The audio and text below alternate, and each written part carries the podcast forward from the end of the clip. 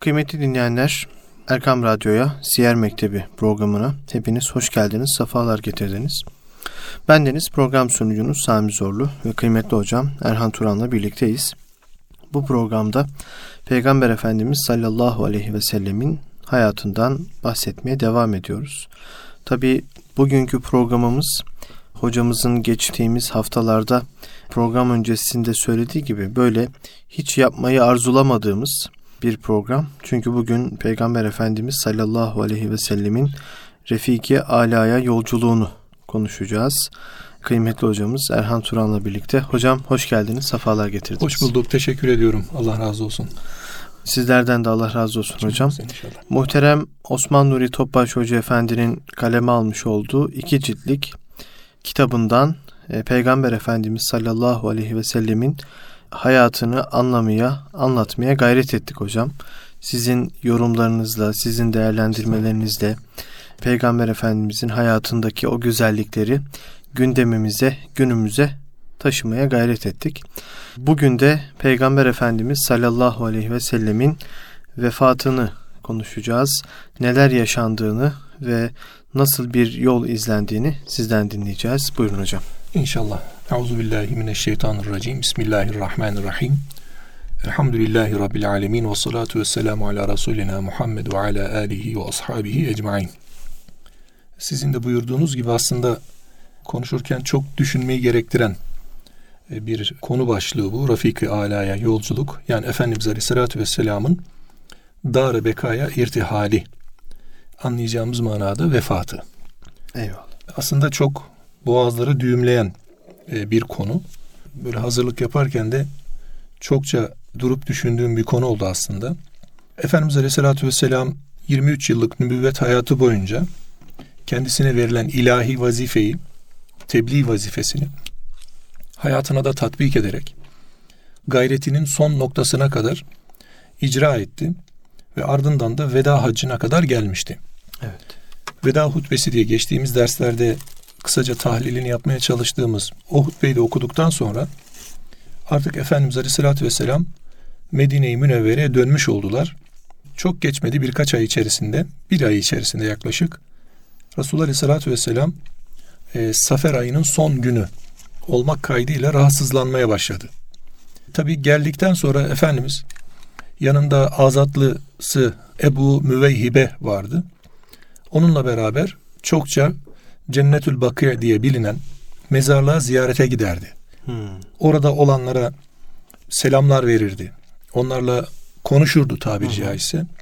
Arkasından da Resulullah bir gün yine döndükten sonra evine şiddetli bir baş ağrısı başladı Resulullah Efendimiz'de. Bu 13 gün kadar sürdü. Yani Safer ayından bir gün ve Rabiül Evvel'den de 11 gün olmak kaydıyla hı hı. 12. Rabiül Evvel günü Efendimiz Aleyhisselatü Vesselam'ın artık e, dar bekaya irtihalini alacağı güne kadar yaşamış olduğu ağır bir hastalığı var. Efendimiz Aleyhisselatü Vesselam'ın. Tabi bugünkü Yeşil Kubbe olarak bildiğimiz Kubbetül Hadra'nın altında bulunan Ravza-i Mutahhara içerisinde Efendimizin hane-i saadetinde Hazreti Ayşe validemize omuzuna yaslanmış bir şekilde yüzünü serinletirken bir suyla biz vefat ettiğini biliyoruz. Arkasından da bir defin işlemi gerçekleşecek. E, sonrasında da e, tabi defin öncesinde Efendimizin naaşının yıkanması, hı hı. akabinde kefenlenmesi, sonrasında e, kaldırılıp yatağın üzerine konulduktan sonra sahabe-i güzin efendilerimizin içeriye girip cenaze namazını ifa etmeleri, sonrasında da peygamberler öldükleri yerde defnedilirler. Rivayetince Hazreti Ayşe validemizin evinde defni hadisesi ve ardından da sahabe efendilerimizin bundan duymuş olduğu büyük hüzün karşımıza çıkacak. Bu haliyle Efendimiz miladi 8 Haziran 632 tarihinde hı hı. Hicri de 12 Rabiül Evvel 11 tarihinde Dar-ı Beka'ya irtihali olmuş oldu. Burada konunun başına dönecek olursak Efendimiz Aleyhisselatü Vesselam'ın bir hastalığından bahsettik. E, bu hastalığı esnasında Efendimiz o raddeye kadar yine Mescid-i Nebi'de tebliğe devam etti. İnsanlara İslam anlatmaya devam etti. Ancak artık şiddetli baş ağrıları, şiddetli ateş, bugün humma diye adlandırılan bir hastalığın karşılığı olduğu söyleniyor. E, Efendimiz'e artık düçar olmaya başladı. Hazreti Meymune validemizin evinde 7 gün kadar kalmıştı. Sonrasında diğer hanımlarından ve Meymune validemizden de izin isteyerek Ayşe validemizin evine nakledildi. Orada e, kalan 6 gününü geçirdi. Ve sonrasında da Efendimiz Aleyhisselatü Vesselam Hazreti Ayşe validemizin kucağında vefat etti. Onun hastalığına, Resulullah Efendimizin hastalığına tam bir teşhis konulmuyor. Yani adı şuydu denilmiyor. Ancak rivayetlerden tespit ettiklerimiz kadarıyla, kadarıyla Ebu Yala'da mesela bununla alakalı anlatılırken böbreklerindeki rahatsızlığa dikkat çekiliyor. Bir böbrek rahatsızlığı vardı deniliyor.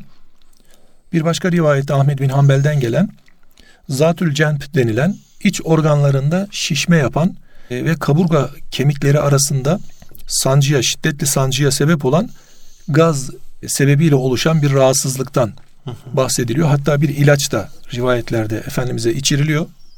İlacın tadı bayağıca da kötüymüş.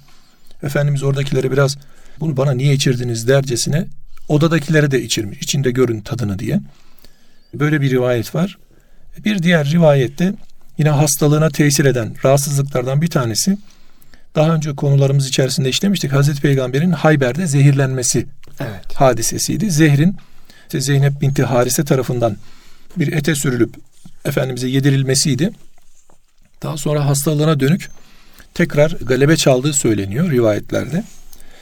Bu meyanda Efendimiz Aleyhisselatü Vesselam'ın hastalığı genel olarak kabul edilen şiddetli baş ağrısı ve yüksekçe ateş. Hatta o hale gelmiş ki Efendimiz başını bir mendille, bir bezle bağlamış ve yanına bir su kabı koydurmuş. Bir rivayette de e, bir düzenekle evin yukarısından üzerine şöyle yüzüne su damlayacak şekilde e, vakit, vakitle şöyle pıt pıt damlayıp yüzünde serinletecek şekilde bir su damlatacağı konulmuş peygamberimizin yüzüne. Ama genelde rivayetlerde Efendimizin yanında bir su kabının olduğu, elini o kaba soktuğu sonra yüzünü sıvazladığı söyleniyor. Hı hı. Ayşe validemiz Efendimizin vefatını anlatırken eli bu kabın içine düştü diyor. Eli bu kabın içine düştü diyor. Ben öylece kendisinden geçtiğini fark ettim. Ama e, Ayşe validemiz daha önce böyle bir hastalık ve vefata şahit olmadığı için bilememiş, anlayamamış ne olduğunu. Seslenince Efendimizin irtihalini haber vermişler. Tabi Resulullah Aleyhisselatü Vesselam vefat etmeden önce sıkça elinden geldiği kadar Mescid-i Nebi'de namazları kıldırmaya çalışıyordu. Artık son üç güne gelindiğinde Resulullah'ın namazlara çıkma takati de kalmadı. Ayşe validemize Ebu Bekir'e söyle namazı kıldırsın dediğinde Ya Resulallah Ebu Bekir'i ben tanırım. O e, babası çünkü. Tanırım e, çok naif, çok kalbi rikkatli, çok mahzun bir insandır. Hatırına geldikçe ağlar, ağladıkça da namazı kıldıramaz. Olsun sen söyle kıldırsın dedi Efendimiz. Ayşe validemizin bu tebliğ ile Hazreti Ebubekir Efendimiz 17 vakit namaz kıldırdı. Hı hı. Bazen Efendimiz Aleyhisselatü Vesselam iyi olduğu zaman, hissettiği zaman şöyle perdeyi kaldırır ya da kapıdan kendisini ayağa kaldırtırır desteklerle. Sahabe-i Güzi'nin Mescid-i Nebi'deki saf oluşlarını seyrederdi. Böyle tebessümü çokça fazla olurdu diyor Ayşe validemiz. Çok sevinirdi cemaat halinde. Ashabın namaz kıldığını görünce çok sevinirdi buyuruyor. Bir defasında gücünü toparlamış. Hazreti Ebubekir Efendimizin yanına iki kişi koluna girmişler, getirmişler Hazreti Peygamber'in. Hazreti Peygamber Ebu Bekir Efendimizin sağ tarafına oturarak hatta eliyle işaret buyuruyor devam et diye. Namazlarını bu şekilde kıldırıyor. Tabi vefat esnasında Efendimiz'i tarif edenler henüz daha saçında sakalında 3-5 beyazdan başka yoktu. Bu da şunu gösteriyor yani vefatı e, ihtiyarlığın çöktüğü bir zamanda olmamış Efendimiz Aleyhisselatü Vesselam. Aslında gençlikten ihtiyarlığa dönüş hı hı. zamanına tekabül etmiş bir vakit. E, ardından Resulullah Efendimiz Aleyhisselatü Vesselam'ın tabi techizi meselesi var. Yani onun defnedilmesi hadisesi var. E, Hazreti Ebubekir Efendimizin hilafette beyati sahabi tarafından gerçekleştikten sonra Efendimiz'i Hazreti Ali Efendimiz e, yanında Hazreti Abbas'ın çocukları varken onlarla beraber yıkadılar, kefenlediler. Ardından da beraberinde onu e, kabri şerife indirip üzerine kerpiç koyarak defnettiler Efendimiz Aleyhisselatü Vesselam'ı. Sonrasında sahabe gruplar halinde Efendimizin de rivayetlerinde buyurduğu gibi önce erkekler ama aileden olanlar hı hı. sonrasında sahabenin muhacir ve ensar olan erkekleri, ardından hanımefendiler. Bu şekliyle sonrasında çocuklar girerek bir imama tabi olmaksızın Efendimiz Aleyhisselatü Vesselam'ın cenazesini bir cemaat halinde toparlanıp birisi kıldırmadı. Hazreti hmm. Ali Efendimiz o günün bugüne kadar imamımız da sendin, bugün de imamımız sensin ya Resulallah demişti. Yani Hazreti Peygamber'in cenazesini bir imam kıldırmadı. Tüm sahabi grup grup peyderpey gelip kendi niyetlerini alarak cenaze namazları kılarak Ferdi olarak. Ferden evet ferden ama gruplar halinde geldiler. Hane-i saadete girdiler. Artık kaçar kişi girebildilerse bu haliyle kıldılar. Bu sebeple Efendimiz Aleyhisselatü Vesselam'ın pazartesi öğleden sonraki vefatı yıkama, teçhiz ve kefenlenmesinden sonra cenazeyle birlikte, namazlarla birlikte salı günü gece yarısına kadar devam etti. Ve gece geç vakit Efendimiz e, kabri şerife indirildiler. Sonrasında defin gerçekleşmiş oldu. Yani çarşamba gecesi şey evet. ifadesiyle, ay takvimi ifadesiyle çarşamba gecesi defnedilmiş oldu. Tabii biz e, kaynaklara baktığımızda Efendimiz Aleyhisselatü Vesselam'ın hayatını okuduğumuzda bazı olayların vefatına haber verdiğine şahit oluyoruz. Evet. Başta Efendimizin veda haccı olmak üzere sonrasında veda haccında gelen Nasır suresi İzâ câe nasrullahi diye bildiğimiz o sure Efendimiz Aleyhisselatü Vesselam'ın artık son demlerinin yaklaştığını hı hı. yine hatırlarsınız. Hazreti Ebubekir Efendimiz e, gözlerinden yaşlar gelmeye başlamıştı. Dedi ki Efendimiz neden ağlıyorsun ya Babekir? Yani bu bir veda eden kimsenin konuşması gibi ya Resulallah demişti. Allah Çünkü Hazreti Peygamber Hazreti Ebubekir'e işaretle kalbimde olanı kalbine ilka ettim buyuruyor. Kalbimde olanı kalbine ilka ettim. Yani ona verdim. Yani o benim kalbimden geçeni, kalbimde olanı bilir hı hı. diye Hazreti Ebubekir Efendimiz'e iltifatı var Resulullah Aleyhisselatü Vesselam'ın. Birincisi Veda Haccı dedik. ikincisi Nasır Suresi. Bir diğeri de Efendimiz Aleyhisselatü Vesselam son Ramazan ayında e, her defasında Cebrail aleyhisselam Hazreti Peygamber'e e, Kur'an'ı hatmettiriyordu arz, arz ederek. Resulullah Efendimiz'e her defasında birer hatim yaptırılıyordu. Bu defasında ikişer hatim yaptırmıştı. Efendimiz itikafını 20 güne çıkarmıştı. Hı hı. Hatta bu hatimden sonra dedi ki ya Ayşe şu halin yani benim ecelimin yaklaştığına işaret olduğunu zannediyorum demişti. Hı. Çünkü neden iki oldu bu? Kendisince sorguladığında tespiti bu şekilde veriyor Resulullah Aleyhisselatü Vesselam. Ee, yine El yevme ekmeltü lekum dinekum ayeti e, veda hacından sonra dininizi ikmale erdirdim ayeti Efendimizin vefatına işaret eden Maide suresinde. Bir diğer mesele biz e, geçtiğimiz derslerde de yine konuşmuştuk. Veda haccında Efendimiz haccı bitirdikten sonra kurban kesmişti. Yüz deve götürmüştü. Develerin 63 tanesini kendisi kurban etmişti.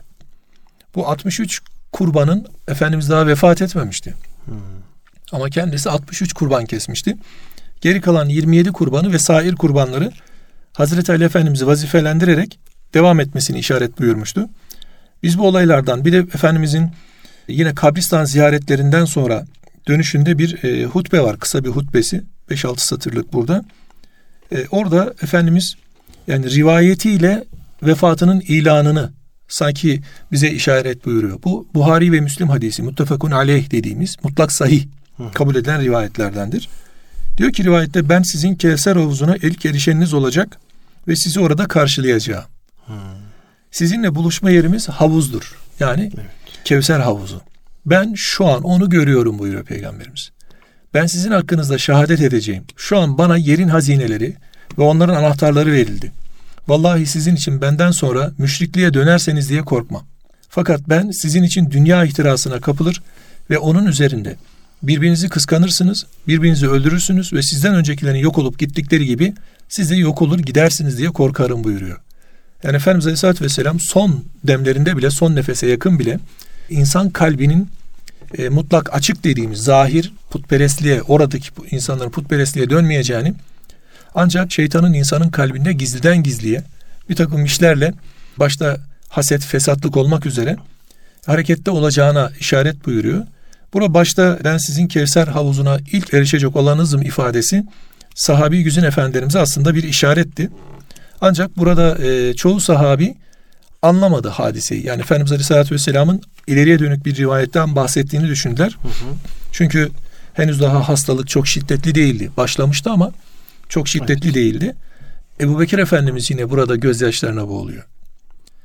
Efendimiz Aleyhisselatü Vesselam ne oldu ya Ebu Bekir deyince ya Resulallah diyor. Yani bu rivayet biraz beni hüzünlendirdi.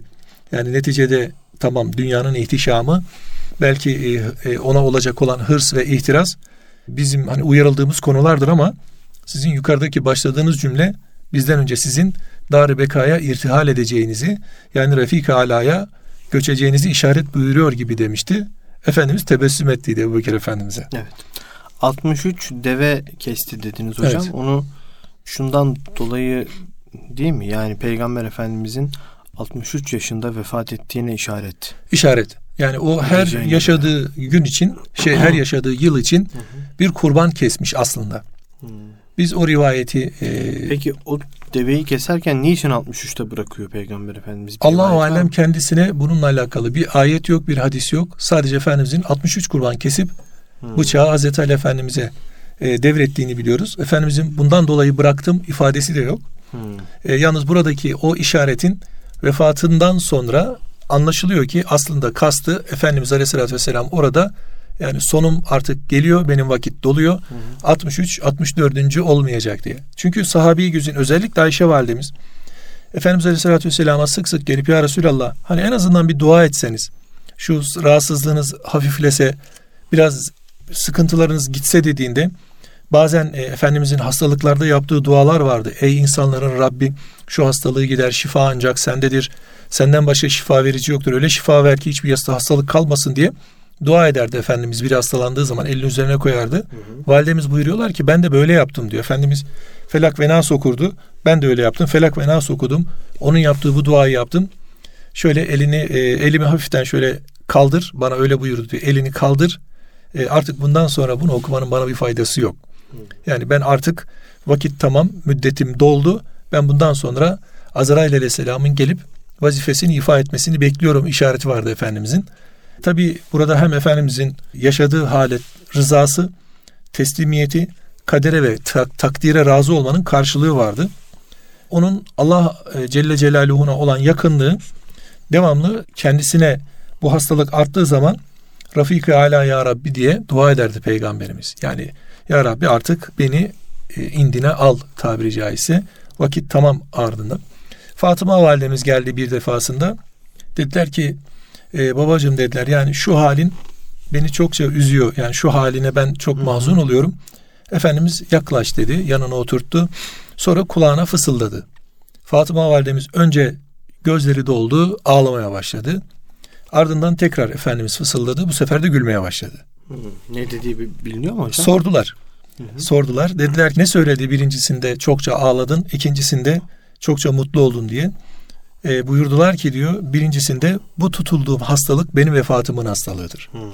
Bundan sonra ya Fatıma benim hayatım burada sona ermiştir. Artık ben dar bekaya irtihal edeceğim. Artık vefat edeceğim dedi. Ben çok üzüldüm. Çok mahzun oldum. Peki ne demişti çok güldün? Dedi ki bana aranızdan ev halkından ilk e, kavuşacak olan sensin dedi diyor. Hmm. Aslında Fatıma validemize vefat haberini veriyor ama Hazreti Fatıma e, bu vefat haberini kendisine vuslat haberi olarak değerlendiriyor. Gülmeye ve sevinmeye başlıyor. Gerçekten de öyle oldu 6 ay sonra. Hı hı. Fatıma validemiz o da babacığına kavuşmuş oldu Havz-ı Kevser'in başında. Evet. Tabi bu çok önemli. Efendimiz Aleyhisselatü Vesselam'a sahabi güzin efendilerimizin tamamı aynı e, muhabbetle aynı sevgiyle bağlıydı. Aynı aşkla bağlıydı. Onun biraz mahzun olması, onun biraz e, hastalığı, rahatsızlığı sahabeye çok ağır geliyordu. Ve e, sonrasında tabi hastalık daha da arttıkça Efendimiz sahabeyi rahatlatma adına e, yine tebliğine devam ediyor. Yine onlara nasihatlere devam ediyor. Mühim olan ibadetlere özellikle namaza, namazın cemaatle kılınmasına, salih ameller işlenmesine, özellikle insanlar arası ilişkilerde çalışanlar, çalıştıranlar arasındaki diyaloglara, temiz kalmaya, temiz olmaya e, bu haliyle Efendimiz yine sekeratül mevt dışında e, tebliğe devam ediyor. Ve e, her defasında da duası olarak Allah'ım benim merhametinle ihata, ihata et, beni Refik-i Ala'ya ulaştır. Beni merhametinle ihata et, bana merhametini ihsan et, beni Refik-i Ala'ya ulaştır diye. Burada aslında şunu anlıyoruz. Efendimiz Aleyhisselatü Vesselam her halükarda Allah'ın rahmetine muhtaç olunduğunun farkında ve bunu da bize öğretiyor. Yani her defasında Refika ala, Rafika ala diye Efendimiz dua buyuruyorlar. Ve sonrasında tabi zaman geldi artık yavaş yavaş Azrail aleyhisselamın müsaade istemesi hadisesi kapıya geldi. Ya Resulallah müsaade varsa gelebilir miyim buyurdu. Efendimiz tabi dedi toparladı kendisini. Ardından e, Ayşe validemize başını omuzuna yaslamış bir şekilde beklerken bir eliyle de yüzünü e, suyla ferahlatmaya çalışıyordu. Ateşini dindirmeye çalışıyordu. Bir defasında Ebu Said el-Hudri e, Resulullah Efendimizin yanına geldi. Yani ya Resulallah ne kadar da böyle yüzün gözün kızarmış, sıcaklamışsın deyip şöyle elini elbisesinin üzerinden sürmeye, şöyle sıvazlamaya yeltendi. Hemen geri çekti. Dedi ki ya Resulallah bu sizdeki ateş nedir böyle dedi. Ne kadar şiddetli, ne kadar dedi yoğun bir ateşiniz var dedi. Dedi ki peygamberler imtihanların en alalarına duçar olurlar. Onlar en ala imtihanlardan geçerler, sabrederler. Biz de sabrediyoruz dedi. Tabi burada çok büyük ders var aslında. Efendimizin e, musibetler karşısında isyanını görmüyoruz. Her zaman için bir teslimiyet hali ve Allah'tan geldiğinin farkında olma hali. Ehlullah da böyleydi. En sonunda nihayette Hazreti Peygamber Azrail Aleyhisselam'a da yapmış olduğu vazifeye izin de verdikten sonra çünkü Cenab-ı Hak e, hiçbir kuluna böyle bir iltifatta bulunmuyor. Efendimiz Aleyhisselatü Vesselam'dan izin istiyor Azrail Aleyhisselam. Ya Resulallah müsaade var mıdır? Geleyim mi? Yoksa Cenab-ı Hakk'ın size vereceği dünyalık ömürden murad eder misiniz? Duruşudur aslında bu. Efendimiz Cenab-ı Hakk'a kavuşmayı dünyada kalmaya yeğliyor. Buyur diyor vazifeni yap. O da vazifesini yapıyor. Peygamber Efendimiz Aleyhisselatü Vesselam e, mübarek başını Ayşe validemizin kucağına düşürüyor. Sonrasında eli de yanındaki kabın içerisine düşüyor. İlan ediliyor. Hazreti Ömer Efendimiz başta bu sözü duyduktan sonra böyle şey olmaz diye itirazda bulunuyor. O mutlaka bayılmıştır siz anlamamışsınızdır diyor. Peygamber diyor o ölmemiştir diyor. E, itiraz ediyor. Öl, öldü diyenin de diyor kellesini koparırım diyor. Hazreti Ebu Bekir, Ebu Bekir Efendimiz de Hazreti Peygamber bir öncesindeki gün biraz daha hali vakti güçlenmiş, kuvvetlenmiş. Efendimizin yanında hep kalmış. E, sonrasında kendisinden müsaade isteyince ya Resulallah demiş ben Medine'nin yaklaşık bir fersah takribi beş buçuk kilometre kadar uzağında Sonuh diye bilinen Sonuh diye bilinen bir yer var. Orada evi varmış Hazreti Ebubekir Efendimizin. Oraya gideceğim ya Resulallah müsaade buyursanız demiş. Efendimiz gidebilirsin demiş. Tabi haberi duyar duymaz Ebu Bekir Efendimiz atına biniyor. Koşa koşa geliyor. Hazreti Ömer Efendimizin de bu şekilde celallendiğini görünce ya Ömer dur diyor. O meşhur hepimizin bildiği konuşmasını yapıyor. Önce ve ma Muhammedun illa Rasul ayetlerini okuyarak yani Muhammed Allah'ın Resulüdür. Ondan önce Resuller Resuller gelip geçmiştir. Ali İmran 144 orada söyleyelim. Hı hı. Şimdi o ölür veya öldürülürse ökçeler üzerine geri dönüp gerisin geriye mi döneceksiniz? Kim böyle iki ökçesi üzerine ardına dönerse elbette ki Allah'a hiçbir şekilde zarar vermiş olmaz. Şükür ve sebat edenlere mükafat verecektir diye. Ardından da kim Muhammed'e tapıyorsa bilsin ki Muhammed artık vefat etmiştir. Kim Allah'a iman ediyorsa, Allah'a inanıyorsa bilsin ki Allah hayyum ve kayyumdur. Yani o Eyvallah. ölmez, o öldürülmez, o daima diri olandır diye ifadesini buyuruyor. Tabi merak etmiştim vaktiyle. E, Hazreti Ömer Efendimiz de bunun farkında değil mi? Neden böyle bir e, çıkış yaptı diye, hı hı. niçin böyle bir celalliğe büründü diye. Münafıklar sevinir olmuşlar Efendimiz Aleyhisselatü Vesselam'ın vefat haberini duyunca. Münafıklar sevinmişler böyle tebessüm etmeye başlamışlar, gülmeye başlamışlar. Hazreti Ömer Efendimizin tabir yerindeyse e, canı sıkılmış. Hmm. Orada coşmuş. Hemen kılıcı çekmiş. Kim öldü, öldü derse? Heh, kim öldü derse kellesini koparırım diye. Yani bu aslında maksatlı bir koy, şey coşma. Maksatlı bir coşma hali. Yoksa ee, bir isyan değil. İsyan haşa. değil. Tabi haşa. Hatta e, kendisine bu ifade buyurulunca Efendimiz Aleyhisselatü Vesselam'ın o ayeti kerime ve peygamberimizin de insan olduğuna Hazreti Ömer Hazreti Ebubekir Efendimiz iş, işaret buyurunca çökmüş, ağlamaya başlamış. Bu haliyle Hazreti e, Ömer Ebubekir Efendimiz hadiseye müdahalede bulunmuşlar. Tabi e, Efendimiz vefat etti. Üzerinde bir gömleği vardı. Yıkanacaktı. Yıkanma esnasında e, üzerinden elbisesini alalım, rahat yıkayalım diye düşündüler. Ancak gömleği çıkarmaya teşebbüs ettiklerinde bir ses geldi çıkarmayın diye ve korktular. Ardından da gömleği üzerindeyken Resulullah Aleyhisselatü Vesselam'ın gömleği üzerindeyken Hazreti Ali Efendimiz Hazreti Abbas'la birlikte oğulları Fadıl ve Kusem varken onlarla onlar su döktüler. Ali Efendimiz e, Hazreti Peygamber'in naaşını cenazesini yıkadı. Sonrasında üç parça pamuklu kumaşla kefenledi ve akabinde onun defni için yatağa yatırdılar. Ancak öncesinde tabi cenaze namazı kılınacaktı. Peki cenaze namazının kılınması nasıl olacaktı? Efendimiz daha öncesinde bunu tarif etmişti sahabe efendilerimize. Hı hı. Buyurmuştu dedi ki siz beni yıkadığınız ve kefenlediğiniz zaman şu yatağımın üzerine ve şu evimin içindeki kabrimin kenarına koyunuz. Sonra bir müddet benim yanımdan çıkınız. Çünkü benim üzerime ilk önce iki dostum Cebrail ve Mikail. Sonra İsrafil, sonra da yanında melek ordularıyla birlikte ölüm meleği namaz kılacaktır. Hmm. Yani Efendimizin önce namazlarını dört büyük melek ve melek orduları kılacak. Bundan sonra kısım kısım giriniz, üzerime namaz kılınız ve salatü selam getiriniz. Fakat överek, bağırıp, çağırarak beni rahatsız etmeyiniz. Daha sonra üzerime namaz kılmaya önce ev halkımın erkekleri başlasın. Hı hı. Sonra onların kadınları kılsınlar. Sonra da sizler ardınca devam edersiniz dedi Efendimiz. Burada bulunmayanlar da bulunanlara söylesinler ve onlara da selamımı söyleyiniz. Kıyamet gününe kadar dinim üzere bana tabi olan kimselere benden selam söyleyiniz dedi Peygamberimiz Aleyhisselatü Vesselam. Tabi burada Efendimizin selamıdır. O zaman biz alalım bu selamı. Ve aleykümselam Aleyküm ve rahmetullah ve berekatuhu. Sonrasında Efendimiz Aleyhisselatü Vesselam Hazreti Ali Efendimiz'e dersimizin başında söyledik. E, imam olmadan cenaze namazı kılınır mı diye sordular. Hazreti Ali Efendimiz de dedi ki evet dedi. Efendimiz Aleyhisselatü Vesselam bize sağlığımızda da imamdı. Vefatında da imamımızdır dedi. Ve herkes e, ayak hizasında Efendimizin durarak salatü selam da getirerek Efendimizin cenaze namazını kılmış oldular. Ve ardından da Efendimiz 12 Rabiül Evvel pazartesi günü dünyaya gelmişti. 12 evvel pazartesi günü yine 12 Rabiül Evvel pazartesi günü yine Allah'ın kendisine nübüvvetini vermişti. Yine aynı tarihte Resulullah Aleyhisselatü Vesselam Dar-ı Beka'ya irtihal eylediler.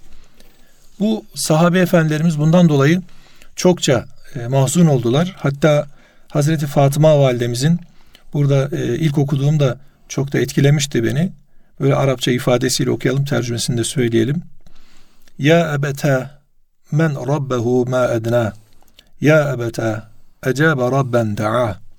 Ya ebete men cennetul firdevsi me've. Ya ebete illel cibrile na'na demişti.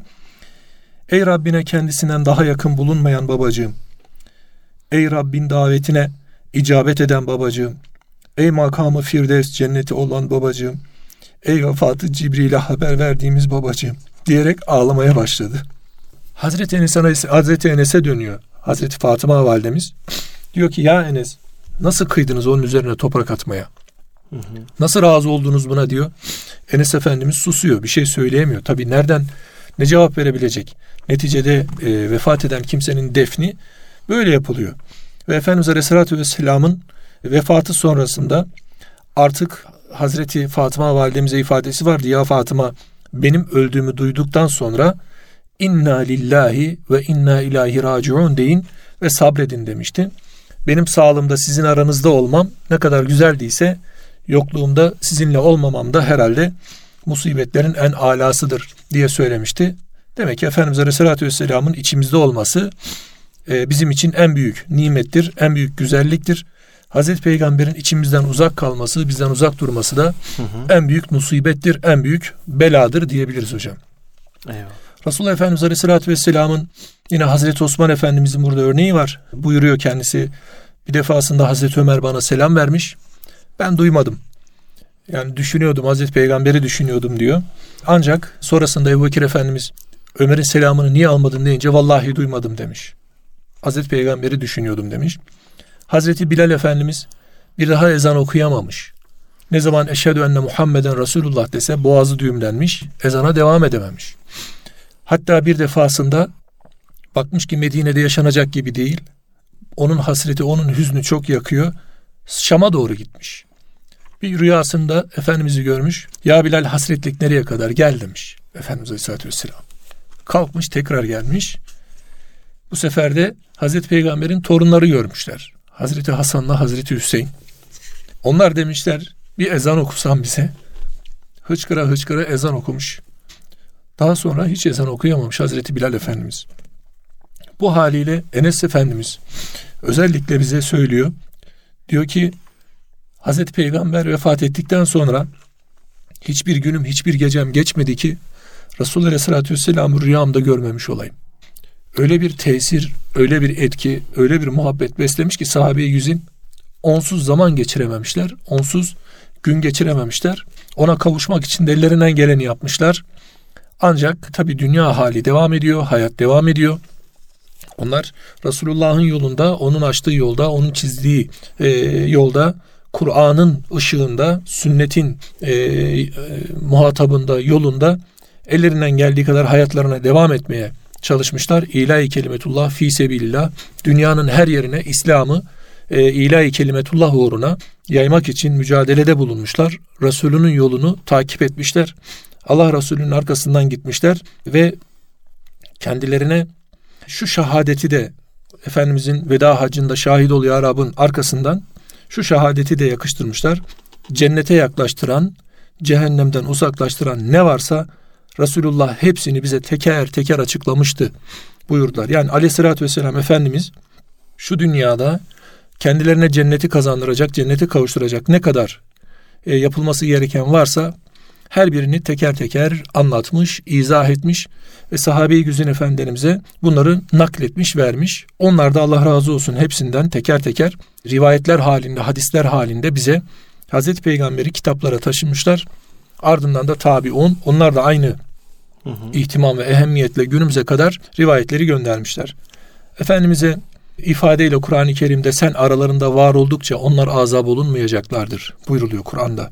Demek ki peygamberi hayatımıza tatbik, hayatımızda yaşamaya çalışmak, onun varlığıyla var olmak, onun hayatıyla devam olmak bizlerin de inşallah Havzu Kevser'in başında Cennetül Firdevs'te inşallah e, Livaül Hamd'ın altında Peygamber Efendimiz Aleyhisselatü Vesselam'la buluşmaya vesile olacaktır diye düşünüyorum.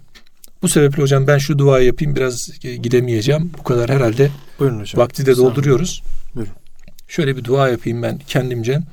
Cenab-ı Hak Hazreti Peygamber Aleyhisselatü Vesselam'a öncelikle Allah kendine kul olmayı bizlere nasip eylesin. Amin.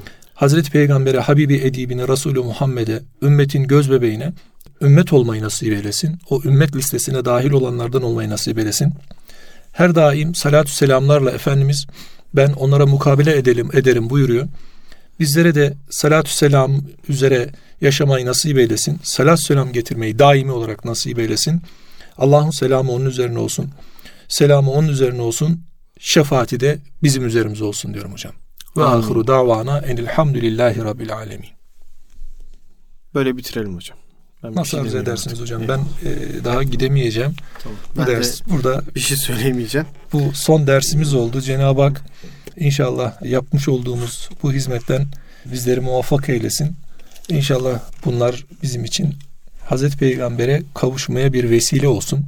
İnşallah Cenab-ı Hak Hazreti Peygamber'in o ateşiyle yanan sahabinin yangınını pek bilemeyiz ama inşallah bize de bir kıvılcım olsun.